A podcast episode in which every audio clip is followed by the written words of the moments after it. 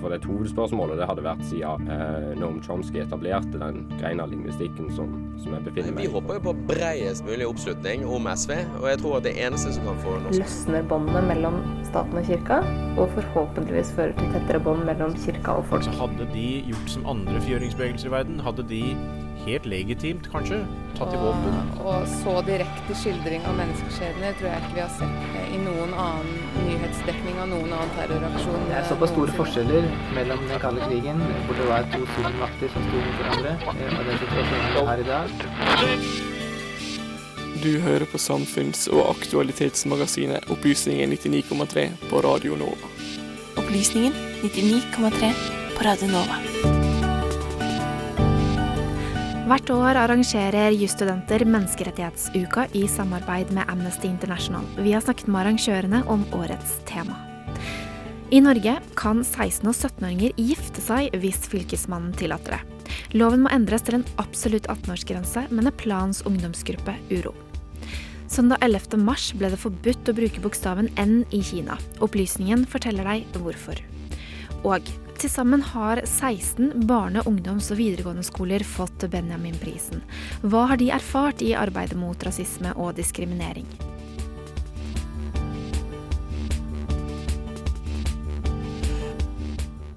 Du hører på Opplysningen 99,3 på Radio Nova. Vel møtt i studio. Mitt navn er Nicole Karlsen, og det er jeg og min kollega Are Mersland Ørnevik som skal følge deg den neste timen. Are, hvis jeg sier ordet menneskerettigheter, hva tenker du på da? Oi. Um, da tenker jeg på veldig mye, tror jeg. Jeg tror jeg har et veldig sånn altomfattende syn på menneskerettigheter. Um, everything goes. Jeg tror det gjenspeiler at vi har det veldig godt i Norge, og at uh, vi er liksom en fredsnasjon. Hvis du for eksempel, jeg har i hvert fall hørt dette, da, at uh, det å ha ferie er en menneskerett. Visste du det? Nei. Nei. Har du noen tanker om menneskerettigheter selv? Ja, altså, jeg måtte google den formelle definisjonen, da. Eh, mm. Så jeg har bare lyst til å si den først. Og det er jo Ifølge FN så er menneskerettigheter altså grunnleggende rettigheter som alle har, ja. uavhengig av kjønn, alder, religion eller nasjonalitet.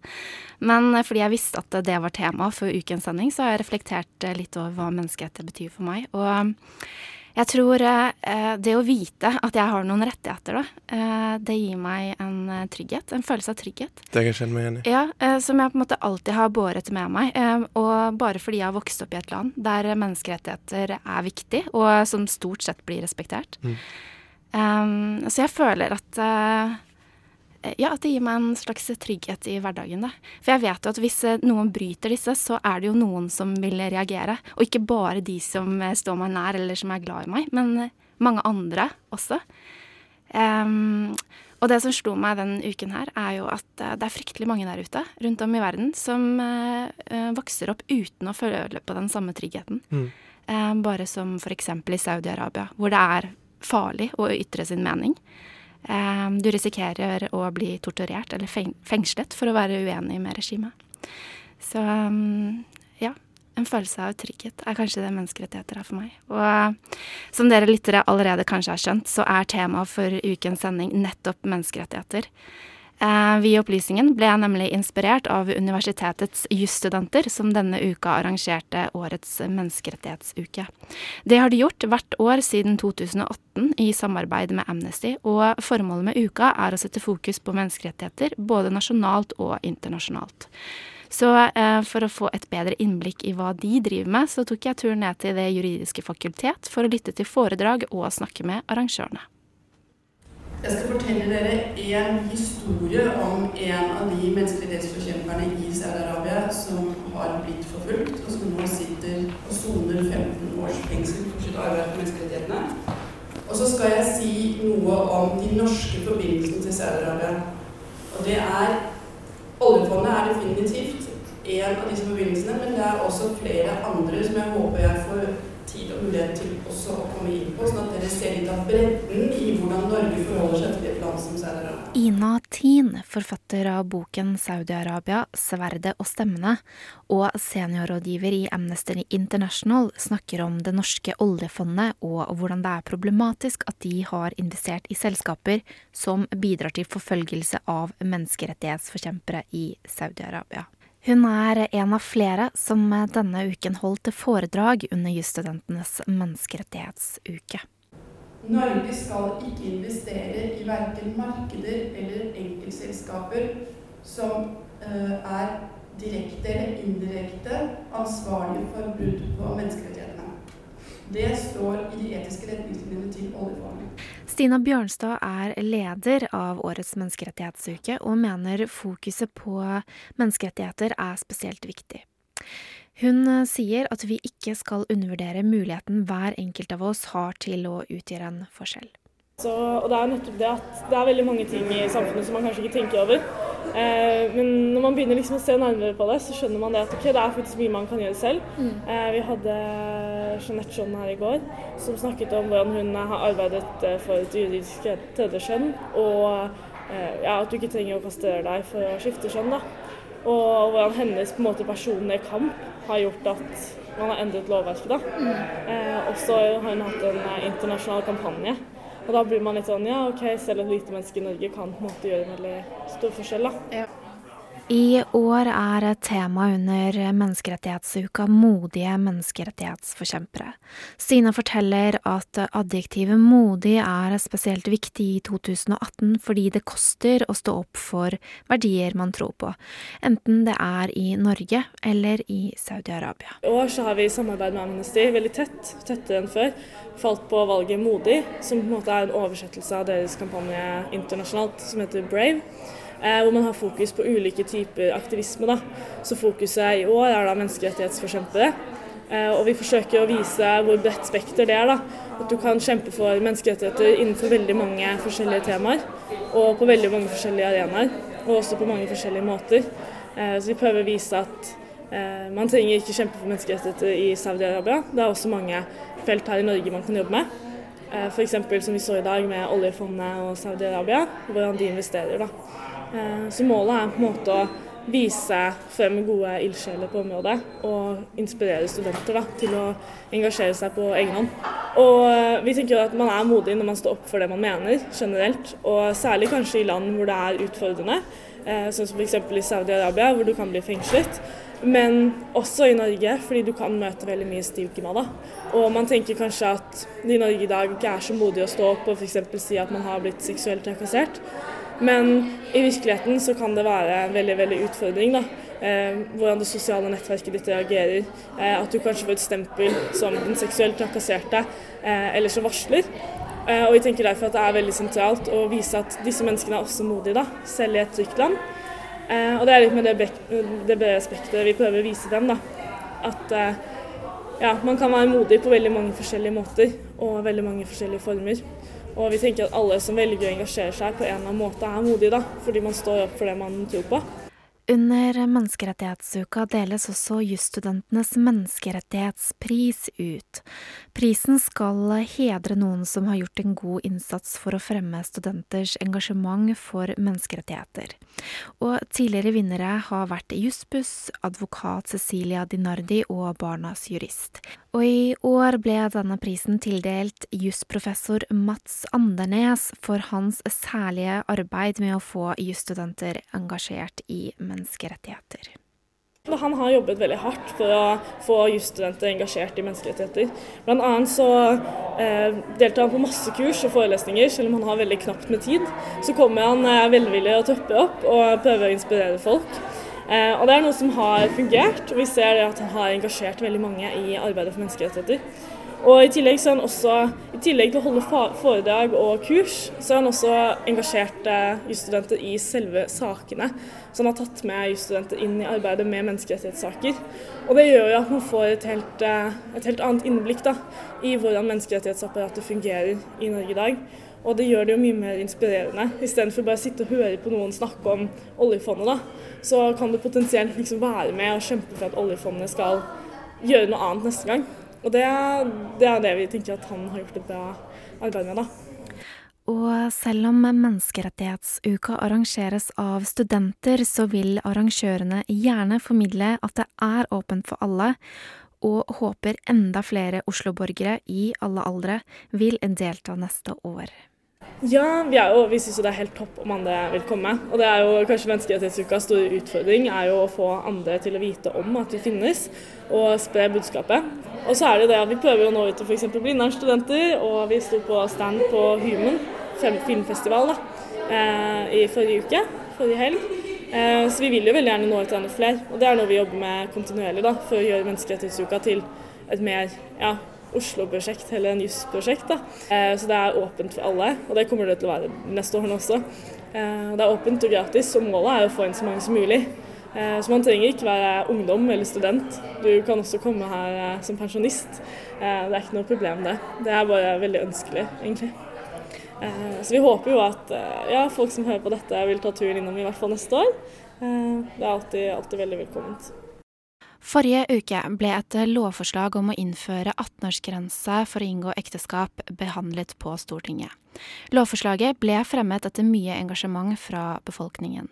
I dette arbeidet har gruppa Wedding Busters fra Plan Internasjonal Norge vært viktige, og vår reporter Anna Lea Thorseth Poppe tok en prat med Agnes Nordvik fra ungdomsgruppa til Plan, som har jobbet mye med kampanjen heter Agnes Norvik, jeg er 15 år, bor i Oslo og er juniorrådgiver i URO, som er ungdommens rettighetsorgan. Og du har jobbet uh, mye med Wedding Busters-kampanjen? Ja, jeg ble ungdomsambassadør for barneekteskap i Plan International Norge i høst. Eh, og da startet vi også den Wedding Busters-kampanjen mot eh, barneekteskap. Eh, så da var det mange Ja, vi har jo arrangert eh, mange aktiviteter over hele landet med ungdom eh, som da kjemper sammen mot eh, barneekteskap. Og vi har også en Facebook-gruppe da, hvor eh, vi er, nå har over 2000 medlemmer, eh, med engasjerte ungdommer som jobber mot eh, barneekteskap. Hva konkret eh, ønsket dere å oppnå med denne kampanjen? Vi vil jo skape engasjement mot barneekteskap og få norske ungdommer til å ja, liksom begynne å bry seg litt mer om ting som skjer. Jenters rettigheter, kvinnekamp, likestilling eh, og slike ting. Og det tror jeg virkelig vi har oppnådd med kampanjen. da. Eh, så det har jo resultert i mange engasjerte ungdommer. Ja, for det reiste jo rundt, eh, rundt om i landet eh, for å ja, spre budskapet litt utover Oslo. Eh, hvordan var det? Mm. Ja, vi har holdt foredrag i alle fylkene. Eh, og mm, jeg har holdt over 30 foredrag om barneekteskap for ungdom, og det har vært veldig kult. og Eh, når man snakker for ungdom, så merker man med en gang at eh, de bryr seg da, og blir engasjert. Og vi har også vist eh, Støkk, en serie om barneekteskap, som også har skapt mye engasjement. Kan du si litt om, om hvordan dere gjennomførte kampanjen? Mm, ja, fordi eh, det starter med at 16- og 17-åringer kan gifte seg i Norge med tillatelse fra foreldre og Fylkesmannen. Så vi ville, med kampanjen så ville vi jo skape engasjement mot dette, eh, og jobbe for en lovendring i Norge. Fordi vi kan ikke fordømme andre land som tillater barneekteskap, når vi faktisk tillater det selv. Eh, så vi samlet inn underskrifter fra ungdom, eh, og vi fikk over 9400 underskrifter fra hele landet. Som vi sendte til alle fylkesmennene i Norge, som et opprop da, mot eh, denne loven, og at ungdom Ja, at vi skulle fjerne og forby barneekteskap i Norge. Um, så vi ble jo hørt, og det kom jo helt til Stortinget. Og forrige uke så valgte da regjeringen og KrF å ikke vedta lovendringen. Eh, som ja, var forslag fra Arbeiderpartiet. Ja, for dere fikk jo snakket med litt politikere sånn etter hvert òg. Eh, hvordan eh, var responsen på, på, det dere kom med? Eh, alle er jo egentlig enige om at eh, loven bør endres, og at eh, barneekteskap bør forbys i Norge. Så det var veldig kult å snakke med politikerne om dette. Og det var først eh, Hadia Tajik som kom med lovforslaget om å forby barneekteskap i Norge. Eh, og så valgte jo regjeringen og KrF da å stemme imot dette, fordi de mente at eh, de um, ville bruke enda litt mer tid på lovforslaget. Men mest sannsynlig så blir det jo lovendring før eh, sommeren, så det blir jo veldig kult. Hvordan er det dere har jobbet opp mot politikerne? I denne kampanjen? Vi sendte jo alle brevene til eh, fylkesmennene, eh, brevene fra ungdom som eh, ville ha endring av loven. og da tok jo politikerne tak i det, og vi fikk jo møte de og snakke med de på Stortinget forrige uke. Både fra ja, Høyre og Arbeiderpartiet. Mm, og så har vi snakket med de og gjort de bevisste på dette. Så de har jo vært veldig med, da, og det har vært veldig kult. Man har blitt liksom hørt på ekte. Ja, for um, hvordan opplevde dere egentlig responsen eh, til ungdom da dere reiste rundt og fortalte om det her? Um, ja, vi er jo ungdom selv, og det var, veldig, det var en veldig kul opplevelse. Fordi liksom sånn at ungdom faktisk eh, er på vei til å få til lovendring i Norge, det er veldig kult. Og det viser jo at vi bor i et land hvor vi faktisk blir hørt. Sånn at det har vært en veldig kul opplevelse å oppleve liksom at politikerne tar seg tid og snakker med oss og tar oss på alvor. Så det, det er jo bare å oppfordre videre og, til at engasjement eh, virkelig virker og gjelder.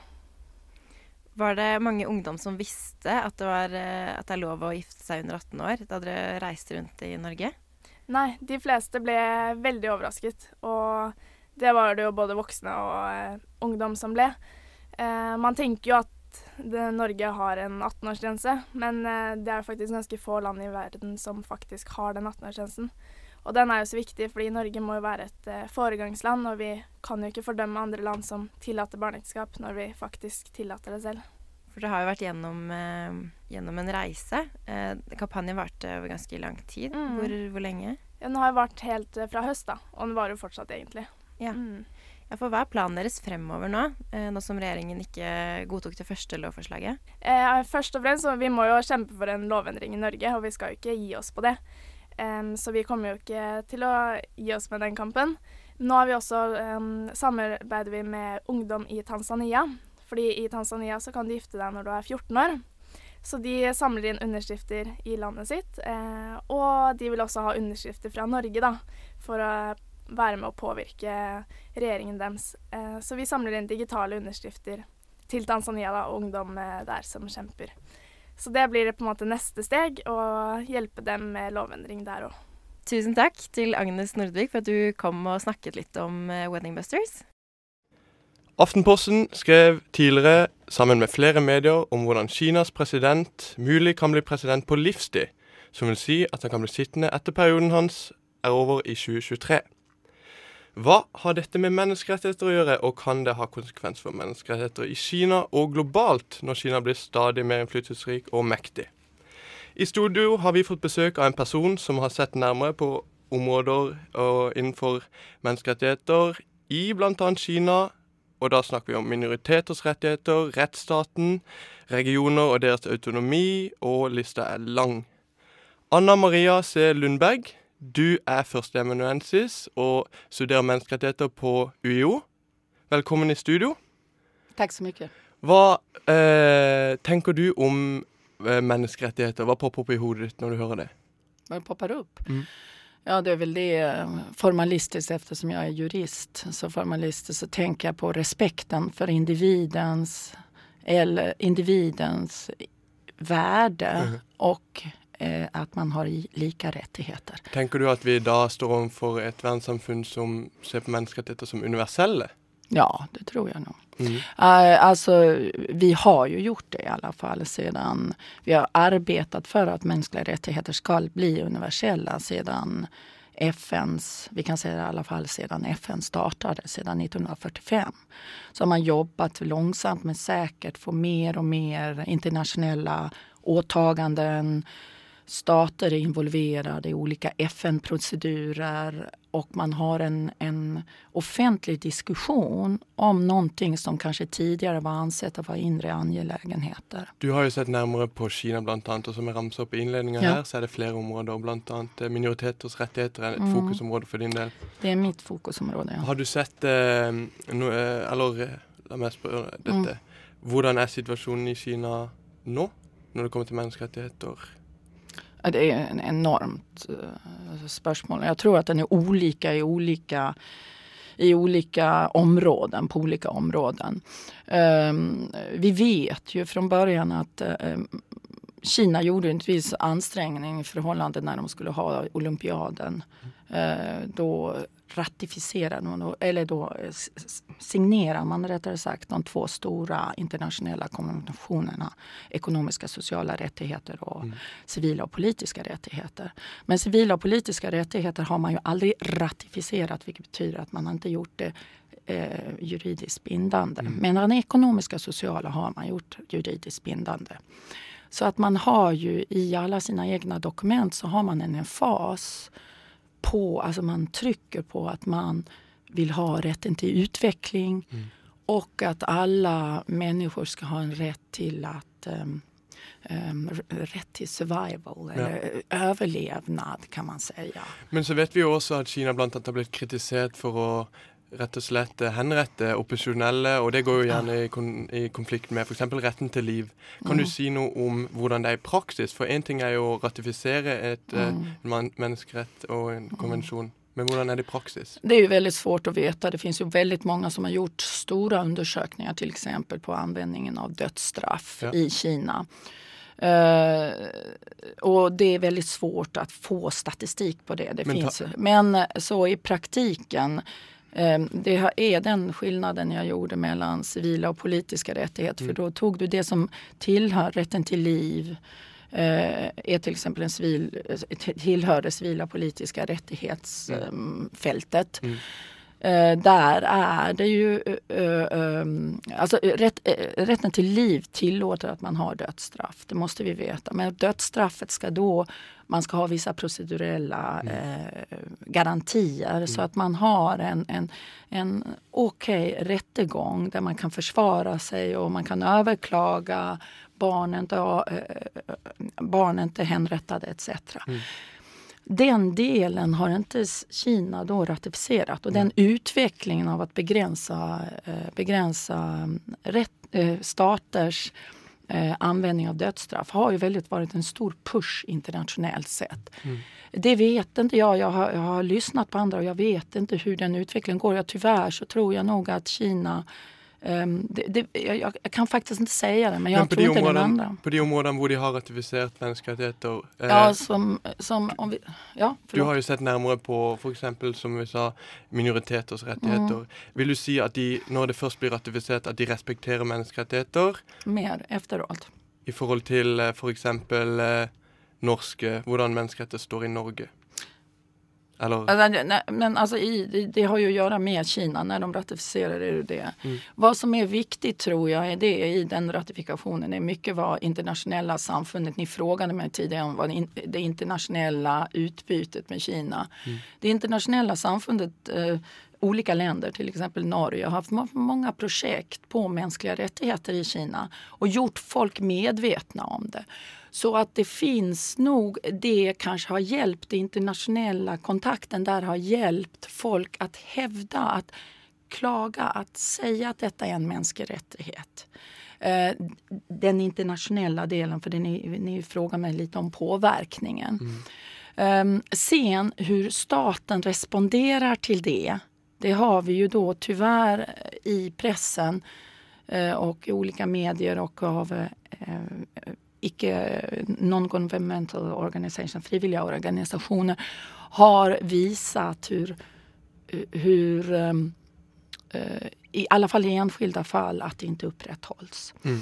Sen så måste vi veta att ehm, det, det, så, jag tror att folket eller personer i Kina, organisationer i Kina har ett rättighetstänkande. Sen är det ju en frågan om staten har förändrat sig på ett sätt att ta hänsyn och se till att man får upprätthålla de rättigheterna även när man kan ses som farlig mot staten. Nettopp. alltså. Det er veldig Och det är det som är ett problem, Ja. tror jag. Eh, där tror jag att det, eh, det är väldigt... ehm, eh, speciellt nu, om vi säger så, nu efter Xi Jinpings nya... Eller på initiativ Xi Jinping, jag säger Xi Jinping sitter för livstid nu.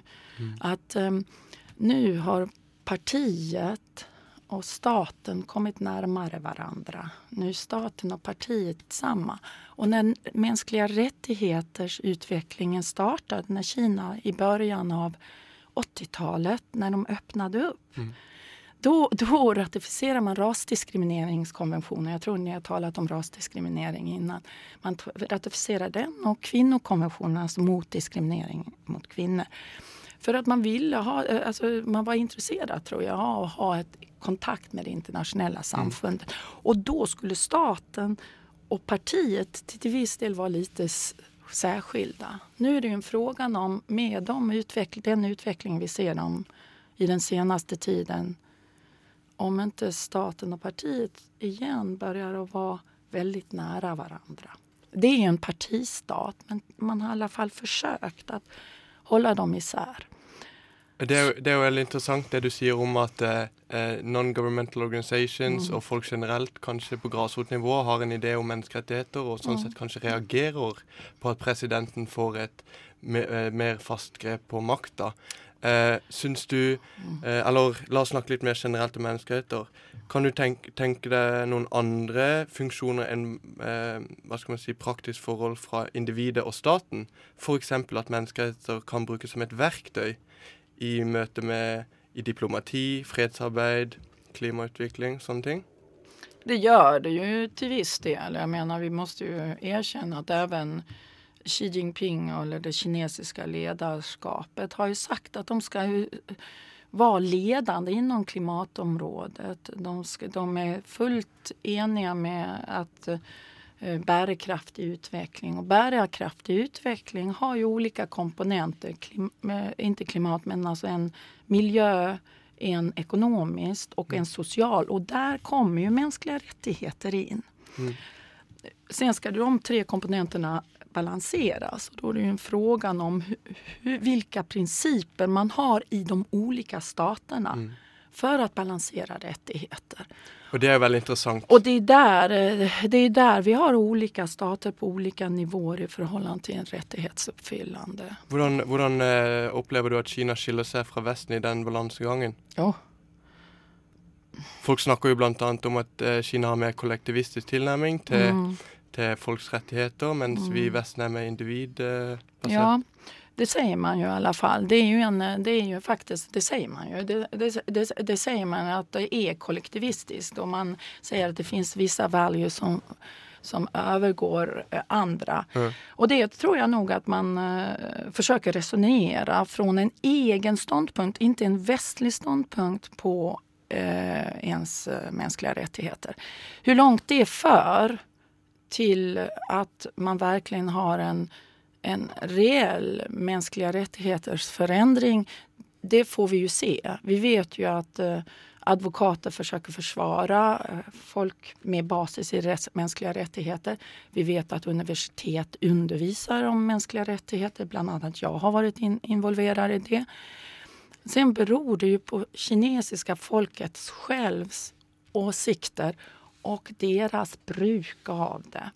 Och sen förstås hur staten responderar till det bruket. Och det är där eh, man kan fråga sig hur långt Kina går i förhållande till att ha en rättsstat. Mm. När man beskriver rättsstaten som en, en, en rättsstat med kinesiska karaktäristika. Vad är dessa kinesiska karaktäristika, karaktäristika nu när vi går i den här senaste utvecklingen av eh, eh, när, närhet av parti och stat. Mm. Hur kan du vara oliktänkande då? Det är väldigt, det är, det är väldigt komplext och det är svårt att ge eh, liksom helt klara. Och jag vet inte hur utvecklingen kommer Nej, att bli. det er nettopp det. Og, men vi kan jo kanskje lære litt av historien. Du har jo Mm. sett på minoriteter, som Ja. vi har sagt gjentatte ganger nå. Vi så jo tidligere i norgeshistorien at vi behandla minoriteter på en måte som ikke Mm. var forenlig med menneskerettigheter. Vi ser det er mye problemer i Mm. Kina nå når det Mm. kommer til urbefolkninga. Kan man eh, f.eks. Eh, sammenligne disse to landenes utvikling? Eller er Kina så mektig at vi kan forvente at de går i en motsatt retning fremover? Det vet vi ju inte. Nej. Det kan vi ju inte veta. Men om Nej. vi ser at Xi Jinping nu säger att han skal gå i förhållande til bærekraftig utveckling så skulle man ju kunna tänka sig att mänskliga rättigheter kan få en komponent i utvecklingspolitiken också, vilket man har sagt at den har då på rätten till utveckling och så. Men för eh, här i Norge var det ju ett sent rättighetsuppvaknande också och förändringen gick ju fort. I Kina går allting fort. Så vi vet ju inte hva vad framtiden kommer att utvisa. Men kanske bärkraftig utveckling med dessa tre komponenter kan ge oss en, ge en möjlighet att åtminstone det kinesiska sättet att se på mänskliga rättigheter och då kanske eh, rättigheter mer av grupprättighetskaraktär. Att minoriteters rättigheter, för att Kina anser sig inte ha några urfolk. Så urfolksrättigheter är inte aktuellt för dem att argumentera för. Men att där finns det en, ett intresse i alla Mm. fall. Mm. Så länge eh, de organisationerna eller de grupperna inte känns som ett hot mot staten på något sätt. Att det är ett trussel. Mm. Uh, att de ser ut som de är separatistiska eller de är terroristiska eller någonting liknande. Så det må skje på Kinas premisser, om andre ord? Kinas forståelse av menneskerettigheter? det, det, det, alla mänskliga rättigheter sker på... De, de utvecklas innanför staten. Så det är därför vi måste lära oss angående hur Kinas utveckling är. Vi måste vara med och titta på dem och se hur de resonerar från deras ståsted också på mänskliga rättigheter. Sen som jurist så har vi ju internationella förpliktelser och där är ju Kina med i gamet, i, i spelet i FN och är öppen för att ha public debates i FNs, i FN-rådet, i- innanför olika kommittéer. Mm. Sen hur mycket de accepterar av kritik, det är en annan, och hur mycket kritiken får, eh, får eh, konsekvenser. Men, eh, men genom att man tar en självaccept så kan man ju förutsätta att kritiken kanske, eller att, eh, att man, man får förändringar. Men rettigheter er extremt viktige for personene, at de kan hevde dem Mm. själva. Så da kan det jo bli en diskusjon med staten Og der kan vi se noe kanskje positivt under alle disse år av utvikling, Beroende på hvor hardt staten, eh, staten altså den kinesiske staten slår ned mot de som hevder sina rettigheter. Dessverre så har det jo vært det at de extremt oliktänkande de har jo blitt marginalisert. Nettopp. Da får vi håpe at det blir en sentral del i denne bærekraftige utviklinga for Kina. Eh, og takke deg, Anne Maria C. Lundberg, for at du kom til studio og ga oss denne innsikten. Takk så mye. Og vi skal eh, holde oss til Kina, for eh, søndag 25. februar kunne ikke lenger kinesere bruke bokstaven N på den kinesiske versjonen av Twitter, kalt Weibo. I ukas opplysning får dere høre litt om hvorfor.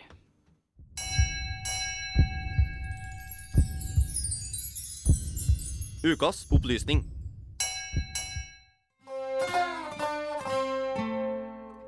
Søndag 25. februar ble det umulig for kineserne å bruke bokstaven N på det kinesiske nettstedet Weibo, som er Kinas versjon av Twitter. Samme søndag foreslo det kinesiske kommunistpartiet å fjerne begrensningen for hvor mange perioder presidenten og visepresidenten kan sitte. Dette kan tyde på at Kinas nåværende president Xi Jinping kan være president livet ut. Sensuren av bokstaven N ble innført rett og slett for å hindre at folk skulle kritisere grunnlovsendringen.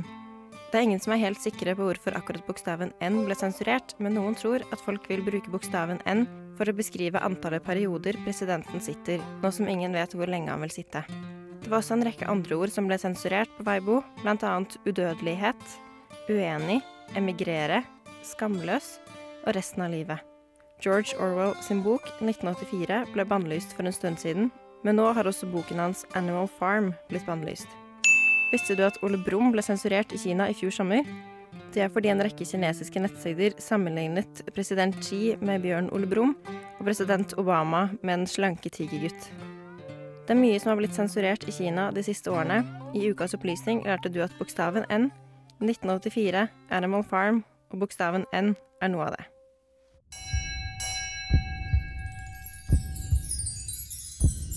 Ukas opplysning. I 2001 ble den 15 år gamle gutten Benjamin Hermansen drept på Holmlia i Oslo. Drapet på ham var rasistisk motivert, og siden 2002 har Benjamin-prisen hvert år blitt eh, utdelt til en barne-, ungdoms- eller videregående skole som arbeider godt mot rasisme eller diskriminering.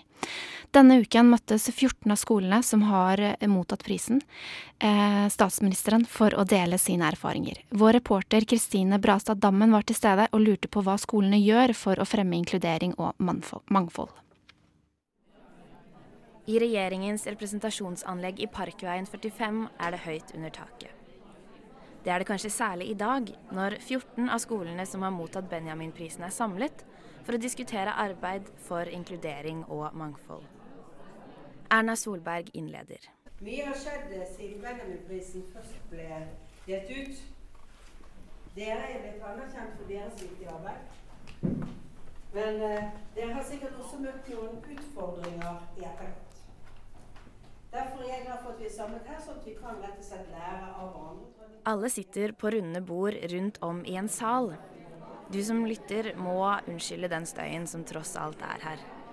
På ett bord sitter Hagaløkka barneskole i samtale med en skole fra Gudbrandsdalen. Som du hvis du tenker deg et, eh, et epletre som, eh, som, du eh, kjøper, som du skal plante, og så har du denne, denne posen rundt rota. Eh, og så er det noe med at ikke de tar av den plastposen og får på en måte ikke planta treet sånn at de slår helt rot. Og, og, alltid venter på at kanskje skal vi reise hjem, kanskje skal vi ikke. Og det gjør noe med barna også, som Kristine sier. Og det setter noen av elevene våre litt ord på. Eh, hvor de sier at eh, er det lov å være både somalisk og norsk? Ja, selvfølgelig er det det. Du er jo det. Jeg snakker med Åsa Utstøl fra Sjøvegan skole i Troms. Hennes skole har 50% elever med innvandrerbakgrunn, og de har lenge arbeidet målrettet med inkludering. Sjøvegan skole vant prisen i 2015, og lærer Åsa liker å trekke frem fordelene ved det å ha en multikulturell skole, og hva det kan gjøre for undervisningen. Ja, det er jo sånn at, at på skolen så, så, så handler det jo om å lære, først og fremst. Og når vi er folk med mange forskjellige bakgrunner og, og bagasjer, så, så, har vi en kjempefin mulighet til å lære av hverandre. Uh, jeg er samfunnsfagslærer. Når jeg har en klasse med mange afghanere f.eks., som jeg skal lære om uh, demokrati, så går jeg tvers over gangen, setter en uh, klasse med fortrinnsvis norske elever som også skal lære om demokrati. Så tenker jeg, og vi, Hvorfor kan ikke de lære sammen om hvordan man eh, styrer et samfunn, og hva demokrati betyr, og hva det krever av oss alle. Så, så det gir en masse muligheter. Og, og, selvfølgelig ligger det også noen spenninger her kan gjøre på at vi har en tendens til å være litt sånn engstelig for det som er ukjent. Det gjelder oss alle, enten du er fra Afghanistan eller Norge. På ett bord sitter Marit Hermansen, mor til Benjamin Hermansen. Hun samtaler med Erna Solberg og Sajant fra Løkenåsen skole og Kristoffer fra Ila skole. Jeg tenker at Det skoler, og det jeg syns er viktig at man gjør, det er at man i hvert fall erkjenner at på en måte rasisme eksisterer som et begrep. At man må på en måte se at, det, at det, her, her, er dette må vi forholde oss til. Dette er viktig. Altså Mitt barn var jo altså, Han er blitt kalt ja, men Han var jo en norsk på en måte. Ja, ikke sant? Og, og jeg mener det er jo mange, mange, mange altså det er tusenvis av barn i Norge som har hans altså, eller tilsvarende bakgrunn. Og de, så det er noe med å på en måte erkjenne at, vi, at, at, at rasisme eksisterer som fenomen. Ja, eller det du sier da, ikke sant. At ja, for eksempel, jeg er født der, og jeg er oppvokst der. Og jeg, er, liksom, jeg har jo mørkhudet, jeg. Men det er ikke rasistisk. går ikke bare utover om du har mørke farger eller ikke. For eksempel, det kan være ja, to nordmenn ikke sant, som ligner helt. Den ene er gutt og andre er jente. Det er, det kan, det er diskriminering.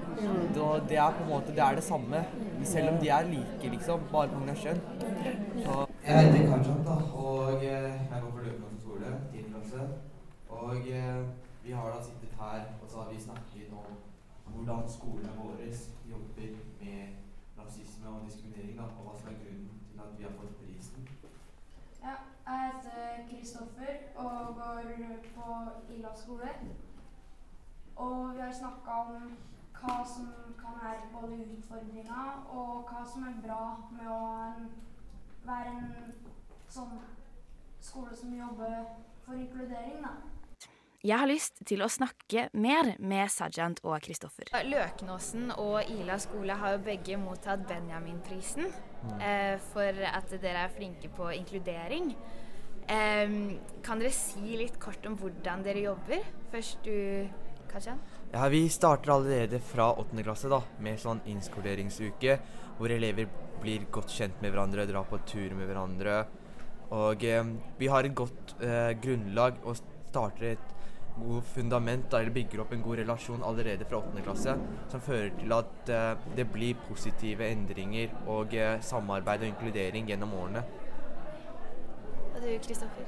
Vi er veldig flinke på å bli raskt kjent med hverandre. Og så har vi veldig godt samhold mellom mottaksklassene og de andre klassene.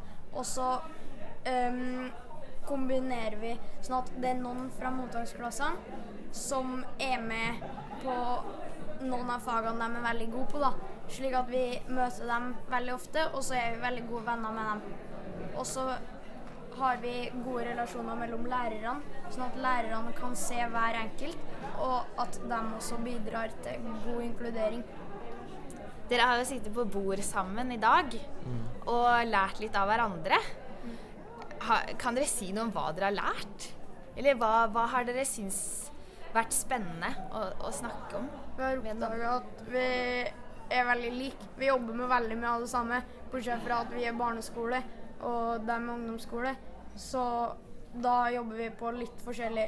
De jobber mer med sånn sosiale medier og sånn psykisk utestenging og sånn, mens på barneskole så er det litt, litt mer fysisk det man gjør, da. Hvis det er noe utestenging, så er det lettere å se, oppdage det. Men de har litt mer sånn Hvis de kaller noen noe, så er det vanskeligere for lærerne å se det enn det på en barneskole. Ja, Som Kristoffer sier, da, så har vi mye til felles. Og vi jobber jo på en måte det samme, og det er grunnen til at vi har liksom fått prisen. da. Men eh, det store forskjellen er jo at de er barneskoler og ungdomsskoler, og fokuset blir satt på andre steder.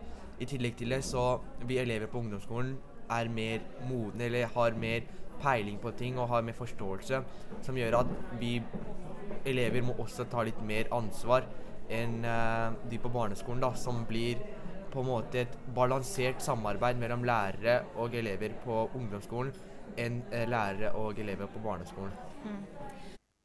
Jeg får også huka tak i statsministeren. Jeg lurer jo da på hvorfor regjeringen eh, Hvorfor er det viktig for regjeringen å arrangere det seminaret her nå? Det er, jo, det er jo en del av det at vi faktisk har, ser på hvordan Benjamin-prisen kan bidra enda sterkere til det arbeidet vi har mot rasisme og diskriminering.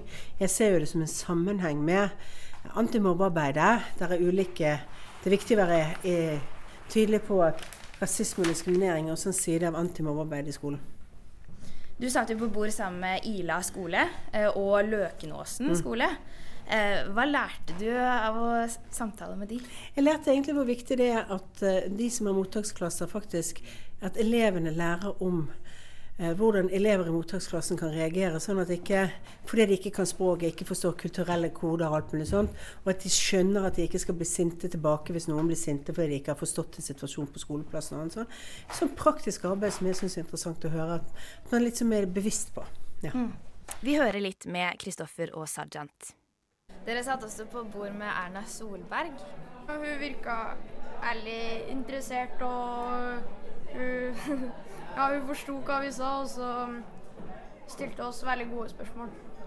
Fordi hun er jo liksom Hun er den personen som skal på en måte lede oss, da. Fordi det er hun som har ansvar for oss. Og eh, hun viste veldig mye initiativ, og hun ville spørre spørsmål. Og hun hadde lyst til å vite ting da, som gjorde sånn at vi også hadde lyst til å fortelle mer. Det, dagen er jo ikke slutt. Nei. Nei. Et, vet dere hva dere skal gjøre etterpå? Vi skulle på noen workshop eller noe sånt. ja. Ja, ja. Da får dere spise, spise kaker og frukt her. Og så eh, ha en fin dag videre. Ja, det var veldig god kake. Ja, det syns jeg òg. P-stasjon har en innvirkning på den enkelte nordmanns selvfølelse og identitet. De sliter, og de har ikke råd til å betale eh, markedspriser for, for gassen. Akkurat nå hører du på Radio Novas samfunns- og aktualitetsmagasin, Opplysningen 99,3. Det var denne ukens sending. Tekniker har vært Annika Selin Bogen. Medvirkende til ukas sending var Kristine Dammen, Anna Thorseth Poppe og Maria Kruse Lien. I studio satt Anna Marie Lundberg, og programledere for denne ukens sending var Nicole Carlsen og Are Mersland Ørnevik. Vi høres igjen neste fredag.